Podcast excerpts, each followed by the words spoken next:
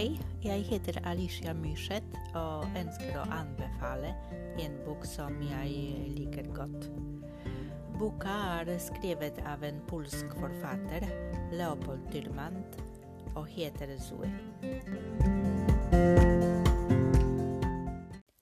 Da boka kom ut i Warszawa i 1956, forårsaket romanen en sensasjon, kanskje mer politisk enn litterær. En kultroman ble født. Merkelig nok ble boken ikke sensurert, da den framstilte en blomstrende underverden som ikke kunne ha eksistert under det kommunistiske regimet. Bokens tittel Zoe kan oversettes til norsk på forskjellige måter.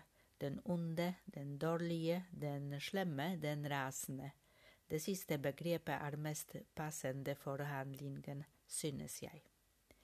Hovedpersonen Zoe er Polens første superhelt uten overnaturlige superkrefter, men samtidig er han mye mer enn ordinær mann i gata.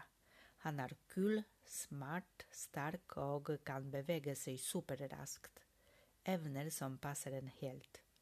For å rydde opp i Warszawas kriminalitet tar Zoe loven i egne hender. Kjærlighet, kidnapping, svindel samt en fascinerende reise gjennom hovedstaden i etterkrigstiden krydrer intrigen i tillegg. Det er ikke mange bøker jeg leser om igjen, så er en av dem.